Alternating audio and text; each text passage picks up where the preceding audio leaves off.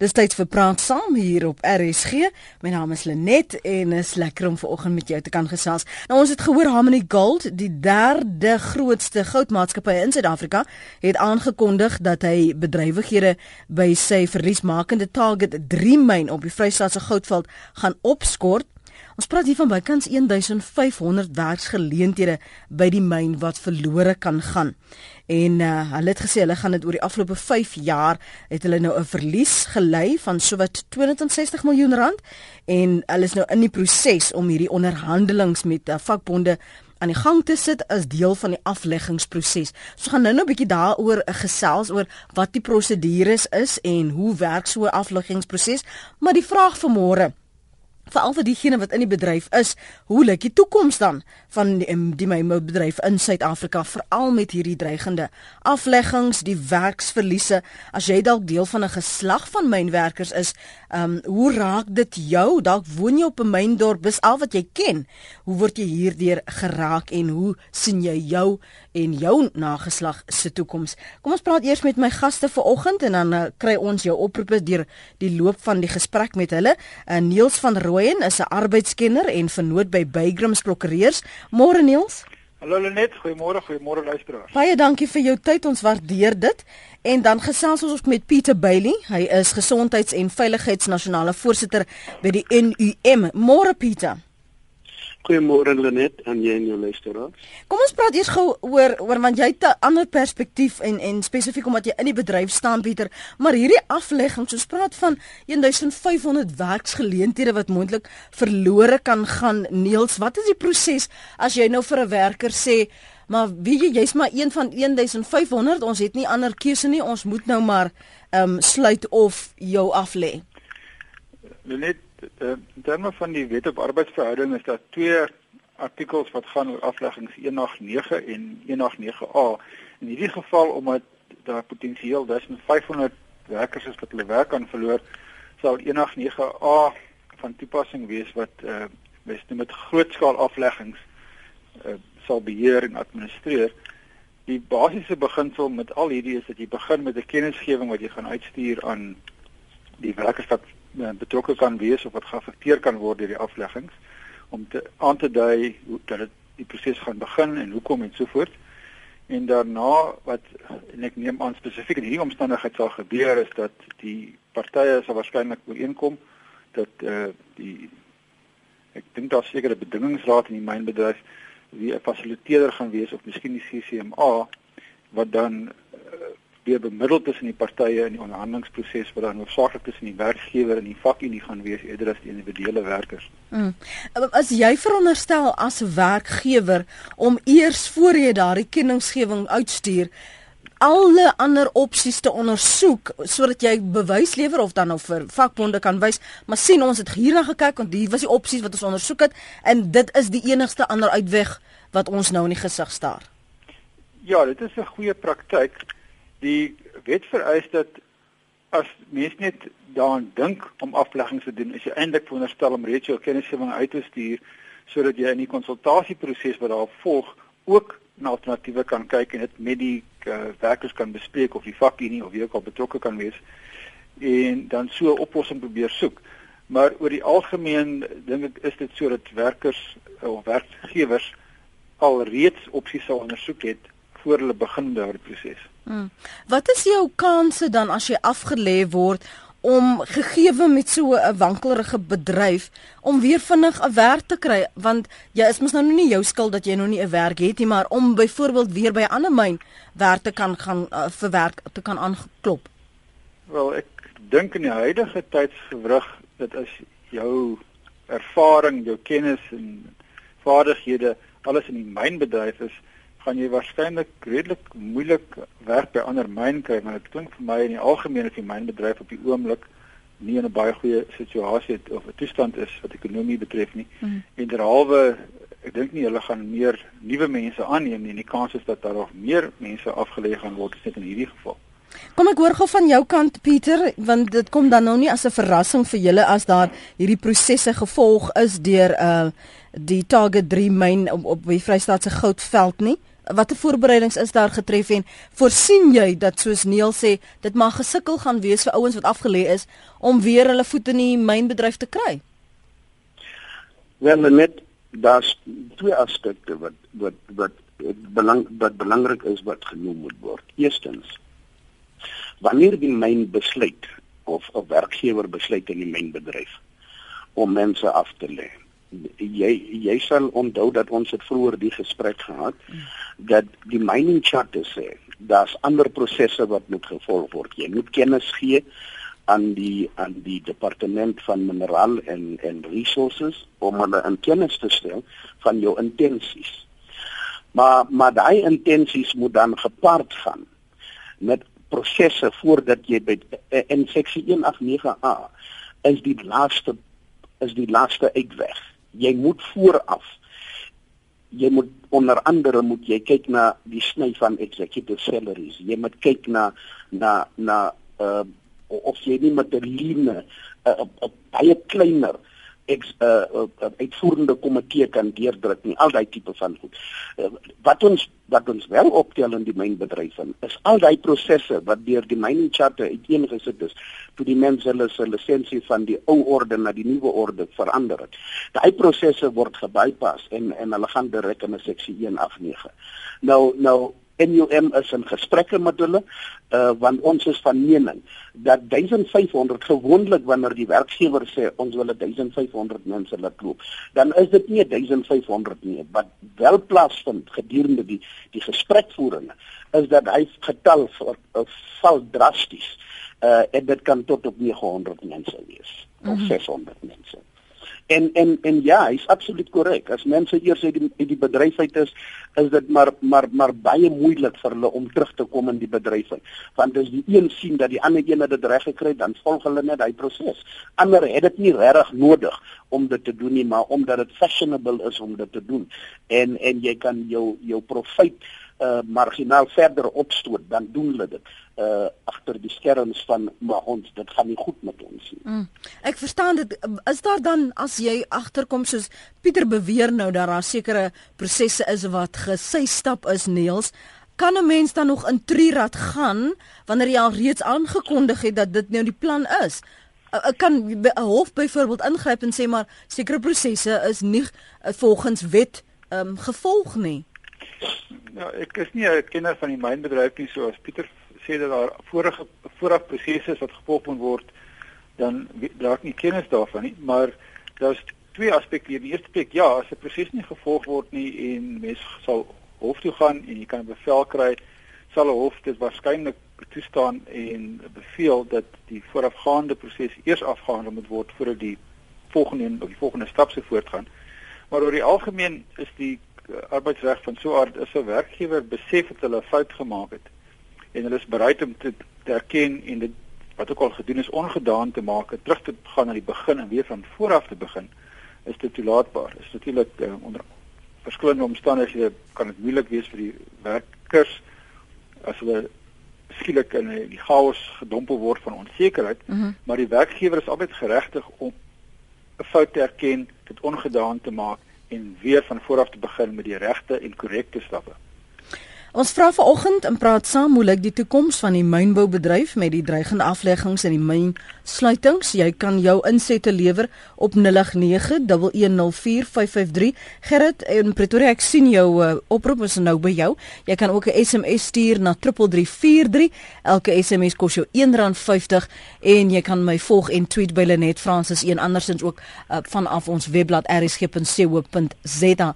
'n Paar van julle menings hierso Gerry sê AMKU se langstaking het verseker bygedra tot mynbesluite om af te skaal of te ontbondel en te verkoop. Gerry, ons gaan terugkom na daardie SMS eh, van jou vir Pieter Bailey vra wat sy mening is. Kom ons gaan eers terug na ons lyne. Gerrit, dankie vir die aanhou praat saam. Baie dankie. Goeiemôre aan jou die deelnemers en die luisteraars, uh, uh, uh, luisteraars. Net ek is 'n menslike hulpbronbestuurder. En en ek luister na die mense wat praat van die proses wat aan die gang is die proses wat begin is. As jy 'n menslike hulpbronbestuurder is wat jou sout werd is, dan begin jy op die regte manier, jy begin op die regte punt en jy voer die dinge daarvandaan af deur. En my beskeie mening is dat wanneer dit by afleggings kom, het die maatskappy klaar besluit. Daar is sekere faktore wat hierdie ding noodsaak. Mm -hmm. En as ek in beheer sou wees, gaan ek dit nie stop nie. Jy verstaan? Want ek het regtens opgetree volgens die wet, volgens die arbeidswet en volgens die bereid die die beleid van my uh uh, uh beheerraad, bargaining council, CCMA ensovoorts ensovoorts. Wat ek daarom wil sê en ek hoor daar's vakbonde betrokke. Die vakbonde moet besef 'n groot aandeel in die afleggings is hulle enorme eise wat maatskappye nie kan nakom nie. Ek ek meen die eise word meer, die die stakings word meer, die verliese word meer, die die dit word net meer en niemand kyk na die maatskappy nie en die maatskappy moet na homself kyk deur hierdie tipe van afleggings is my beskeie mening. Goed, kom ons gee vir Pieter Bailey geleentheid as vakbondleier uh, by NUM om daarop te reageer. Nee, jou jou die indeller is absoluut korrek. As jy die regte prosesse gevolg het, dan hoef jy nie terug te draai nie. As jy as jy iemand is wat jou sout werd is, uh, en weet wat wat aangaan dan dan het jy die proses reg gevolg en jy gaan nie terugdraai nie. Maar maar maar jy sien die eise wat wat jou jou inbeller nou na verwys. Daai eise is 'n tweesnyende swaard. Eerstens, die uitvoerende kom die uitvoerende bestuur van mynbedrywe gee hulle self astronomiese bonusse en salarisse. Natuurlik sal die werkgewers ook sien dat maar as hierdie manne soveel geld vir hulle self kan betaal dat ek moet 230 jaar werk om die ekwivalent te kry wat hulle kry is dit dan nou nie onverantwoordelike gedrag nie. Hoe sê jy vir iemand wat honger ly en wat einde van die maand nie sy kinders met menswaardigheid uh, kos op die tafel kan sit en hulle ordentlike lewe gee terwyl hulle weet dat hulle is die mense wat die bedryf aan die gang hou ander sit in die air condition kantore en en en neem net besluite onverantwoordelike besluite menigmale. Uh daai besluite word net onder die mat gevee wat 'n maatskappy biljoene rande kos as die ding nie suksesvol is nie, want hulle het hulle het 'n droom gehad gister in die in die in die boardroom gaan sit, daai besluit geïmplementeer sonder konsultering. Nou ja natuurlik, daar is sekere eise wat onverantwoordelik is, maar dis 'n twee dis 'n tweesnyende swaard. En en die verantwoordelikheid kan nie nou vierkant op die skouers van werknemers geplaas word nie. Daar's ook onverantwoordelike bestuurslede wat wat wat wat hy wat hy vir uh, lede verantwoordelikheid Wat sê jy rondom die uh ehm um, die verwysing van van een van ons luisteraars? Ek het nou sy naam hier vergeet. Maar Gerry dink ek sy naam. Amku hmm. se se rol, die stakings dat dit maar uh, die uiteinde was voorspelbaar met die stakings en dat dit enige een kon dit sien. En dan net ek het vir jy uh, vroeër toe jy my toe jy my op in die in in die ateljee gehad het, het ek gesê dat dit so maklik om net die een kant van 'n saak te kyk. Ehm um, ek het destyds vir julle gesê en vir die luisteraars gesê dat onderhandelings is 'n twee is 'n twee man proses. Soms is dit belangrik dat die party wat aan die ander kant van die tafel sit tegemoetkomend moet wees om en kreatief moet begin dink rondom hoe jy 'n staking gaan beëindig. As jy kyk na die uiteindelike uh uh uh, uh ooreenkoms wat geteken was. Ek net as as as as die bestuurslede kreatief was kon hulle hierdie ding in die eerste week van die staking gedoen het. Want want die eise wat op die tafel was uh, en en dit waarvoor hulle geteken het daar's nie eens 'n massiewe verskil nie. Al wat hulle gedoen het hulle is net hulle het net die toelaag gevat en die toelaag in kontant uitbetaal en dit gevries dis die enigste ding wat hulle gedoen het uh, wat dan nou lyk uh, om 'n ooreenkoms te kry. So hulle kon dit al maande gelede gedoen het.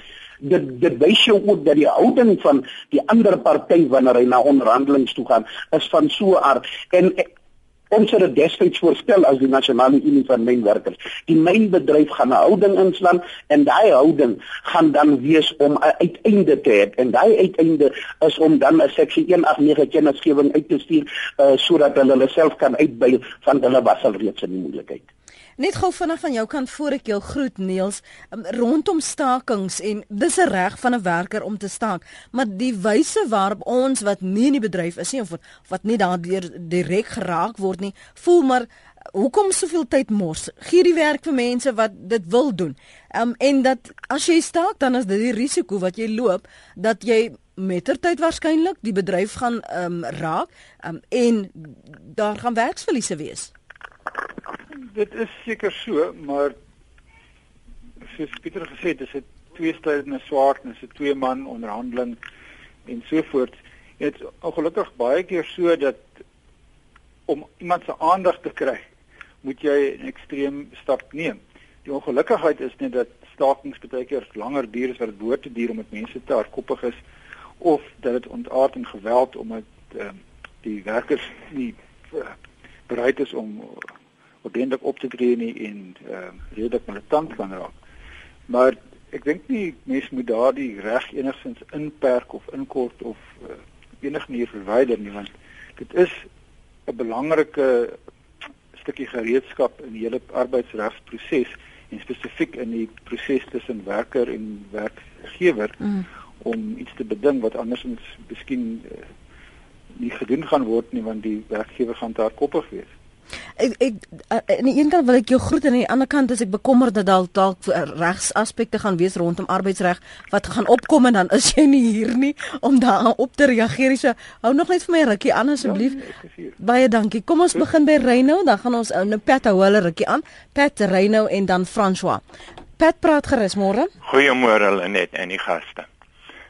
Ek wou 'n hele klomp stories vertel, maar gaan net die een wat van toepassing is. Ja, die een wat van toepassing is op die mynbedryf, want ons praat ver oggend ja, oor die toekoms in die mynbedryf. My hele lewe draai om die spoorweg en die mynbedryf, so ek kan baie praat. Maar anyway, die storie wat ek nou wil vertel is ek het hier omtrent 45, wel my seun is 45 jaar oud op op uh op uh Western Area gebore. Maar voor dit Ek was by ERPM. Die mense sal van ERPM weet daar in Boksburg. Daai myn was wat hulle genoem het 'n marginal mine. In ander woorde, hy het daar klaar kennisgewing gegee, hy sukkel. Maar een aand 10uur gaan ek op nagdiens en toe ek by die hek kom, in plaas van nagdiens, was die polisieboy daar met die ketting en die slot op die hek. Hy sê draai om, gaan huis toe, die myne is toe. Net so.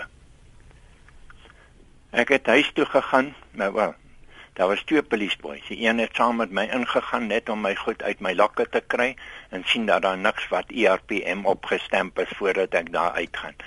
En dit is hoe my loopbaan geëindig op die myn.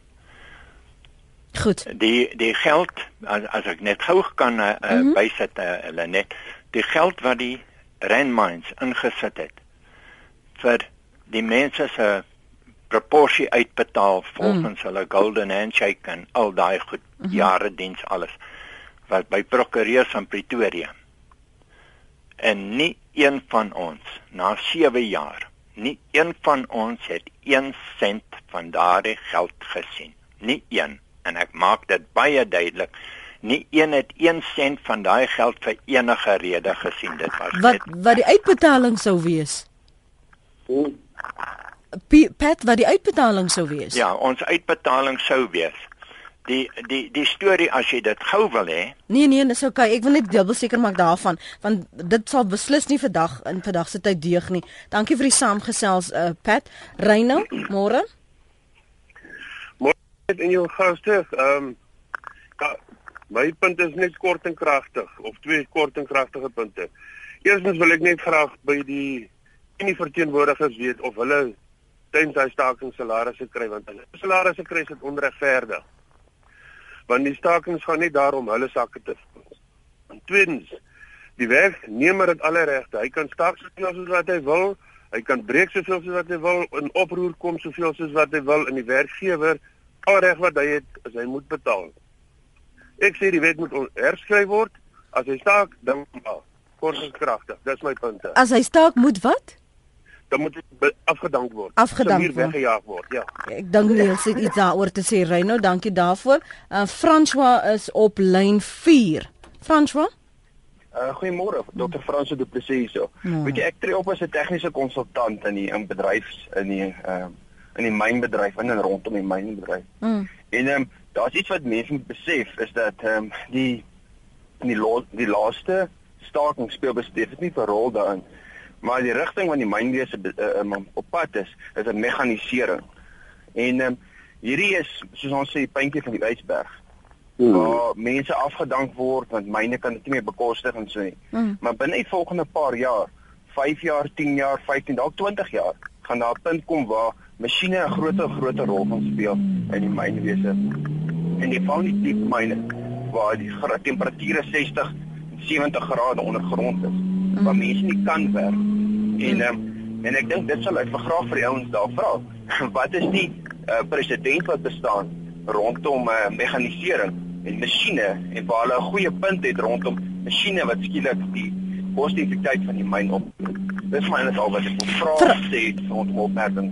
Frans, behalwe die mekanisering wat jy sien, watter ander uh, veranderinge is jy bewus van? Wat 'n uitdaging kan wees vir al ons praat oor die toekoms van die mynboubedryf in Suid-Afrika? Ehm um, Weet jy dis maar die grootste is die is die winsgewendheid. Vorige uh, inbellers het opmerking gemaak daaroor. Maar ehm um, die die ouens in myne sê hulle kan nie so aangaan nie. Ehm um, ek weet die ouens van die platinum myne ehm um, is kom ek eenvoudig sê gat vol.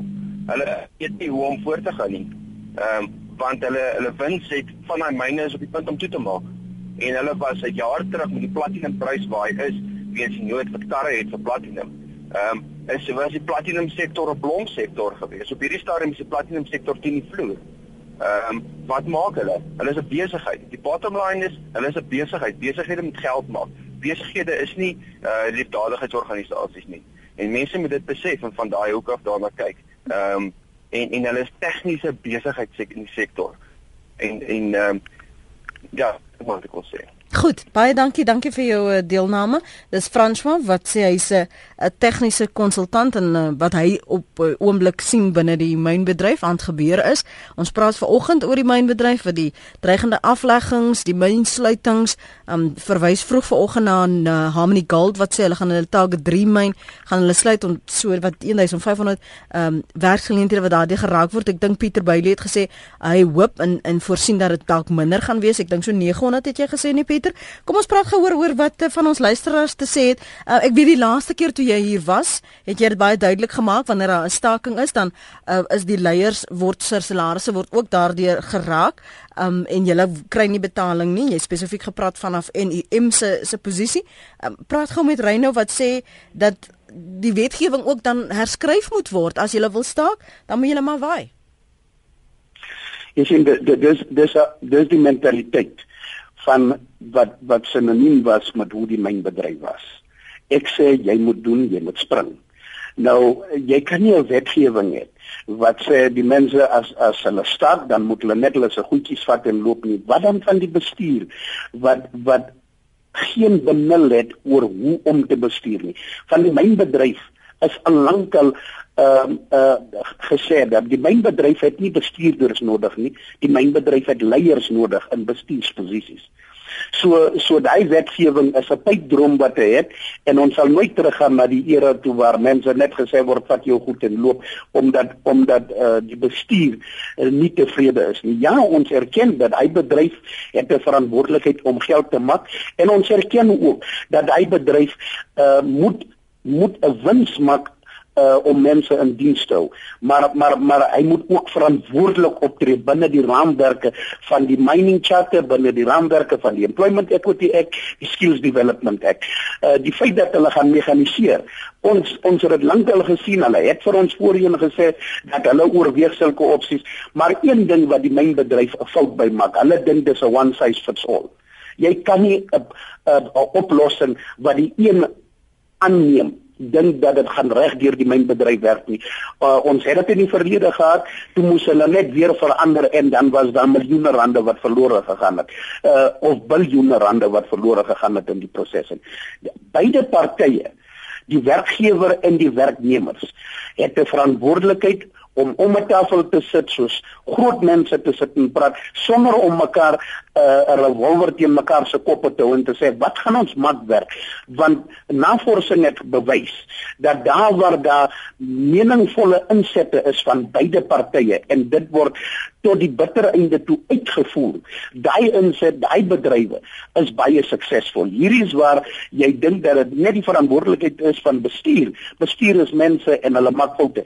En ek moet nog in my 30 jaar in die mynbedryf en moet ek nog iemand ontmoet 'n bestuursspan en 'n arbeidsverhouding uh, praktisyn wat sy sout werd is. Ek het dit nog, ek het hulle nog nie ontmoet nie. Kom ons hoor wat sê Neels van Heerden oor die aspek rondom uitbetalings en dan spesifiek meganisering. Kan jy byvoorbeeld dit as 'n rede aanvoer waarom jy um mense moet aflê en dat dit aanvaar sal word binne wetgewing in Neels?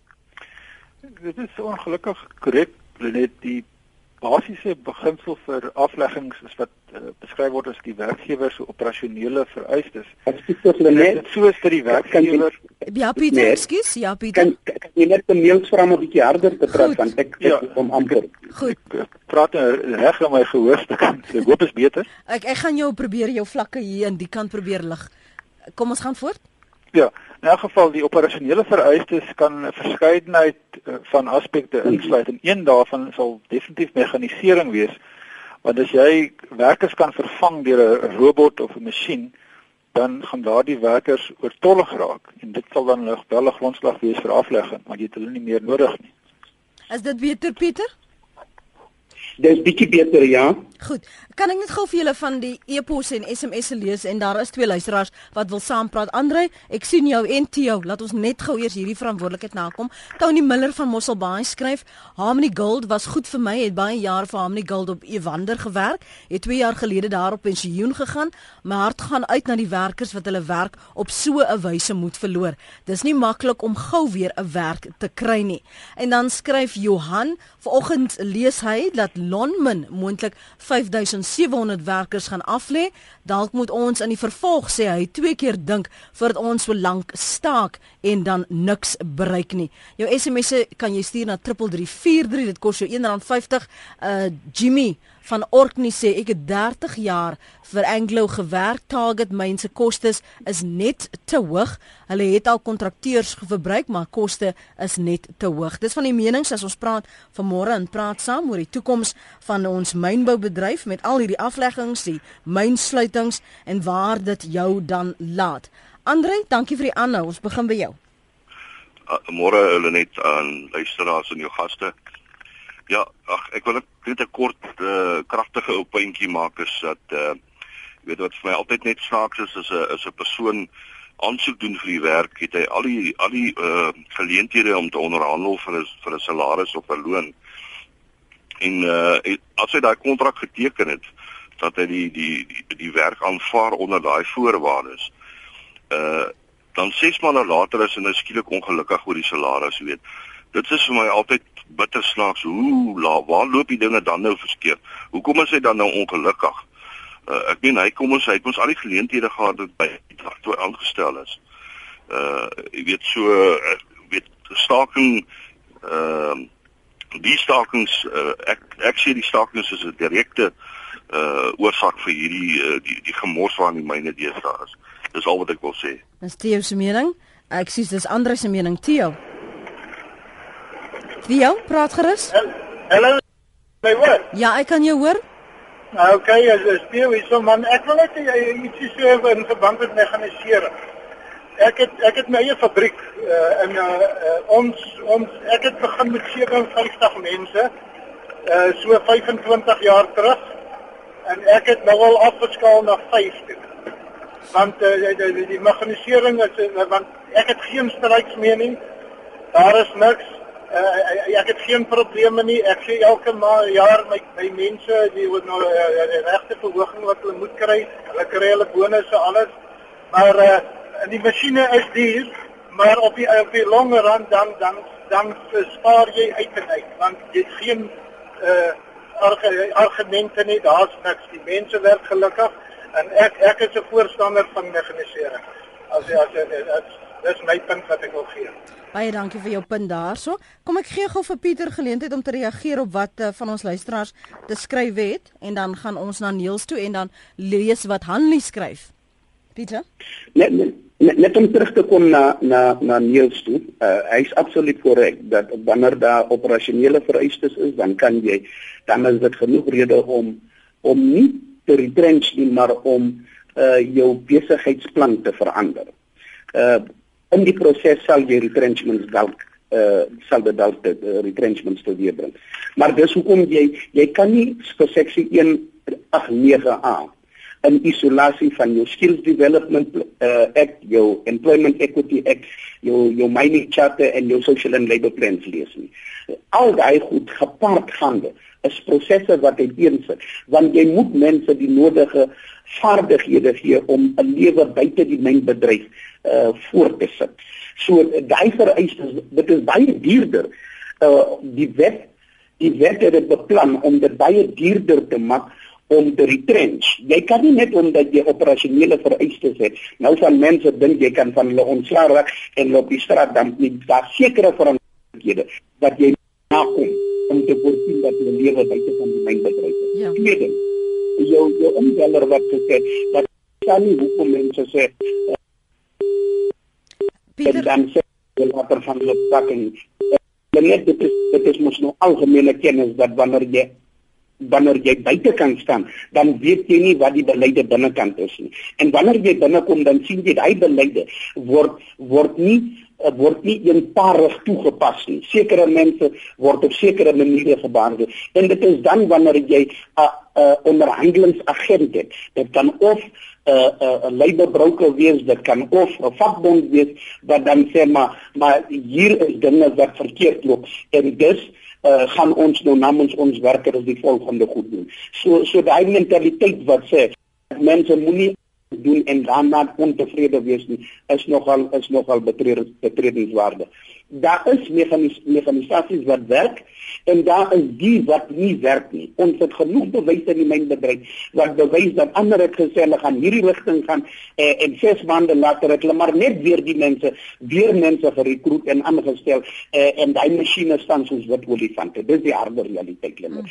So dis nie one size fits all nie eh, en en dis hoekom dit belangrik is dat daar gesprekke gevoer moet word met die partye en bedeeglik uittrap sodat wanneer daai besluit geneem word, dan is dit 'n besluit wat in die beste belang van die maatskappy gaan wees, maar ook dat die werknemers nie op die straat gelaat word sonder enige vaardighede of uitbetalings nie. En die vorige inbeller wat gesê dat hulle het geen toe by ERPM gewerk het, was die deure net gesluit. Net daai tipe van goed gebeur vandag nog. Dis die harde realiteit by die mynbedryf. Gebeur dit nog vandag ook? Dit gebeur nog vandag. Aurora is 'n tipiese is 'n tipiese voorbeeld daarvan. Hanlie skryf, ek is 'n mynbestuurder se vrou, die vakbonde weet die meeste van die tyd nie wat aangaan in 'n myn nie. My man het baie lank studeer vir ingenieur, nog nagraadse studies vir jare met studielenings. Met baie harde werk het hy homself opgewerk tot mynbestuurder. Die stres is dit nie werd nie. Hy slaap nie in die nag nie, sit tot 1 uur in die nag met verslae en sovoorts. Dan bel hulle om 4 keer 'n nag met uh, 'n uh, probleem by die myn. Hy sien sy kinders Saterdag as ons gelukkig is. Glo my, hy sit nie heeldag in 'n kantoor en besluit te neem nie. Ek weet nie wanneer laas ons was met vakansie sonder dat dit gekanselleer is as gevolg van myn probleme nie. Dis Hanlie se epos daardie Freddie Prins sê daar is geen simpatie met werkers deur die uh, inbellers wat besighede besit nie, maar hulle sê niks oor myn bestuur se bonusse nie. 'n uh, Meganisering ter wille van gierigheid gaan groter ellende veroorsaak. Werkloosheid is gelyk aan sosiale ewels. Cor Boysen het intussen by ons aangesluit. Cor, uh, dankie vir jou tyd. Cor het, het insigte uh, na aanleiding van sy werkservaring binne die mynbedryf. As jy nou hierdie situasie sien waar myne uh, sê dat hulle gaan sluit, dat werkers ter duisende afgelê gaan word, jy sien die stakings, ons het nou die Marikana kommissie na aanleiding van wat 2 jaar gelede gebeur het, ook vanuit 'n stakingsoogpunt.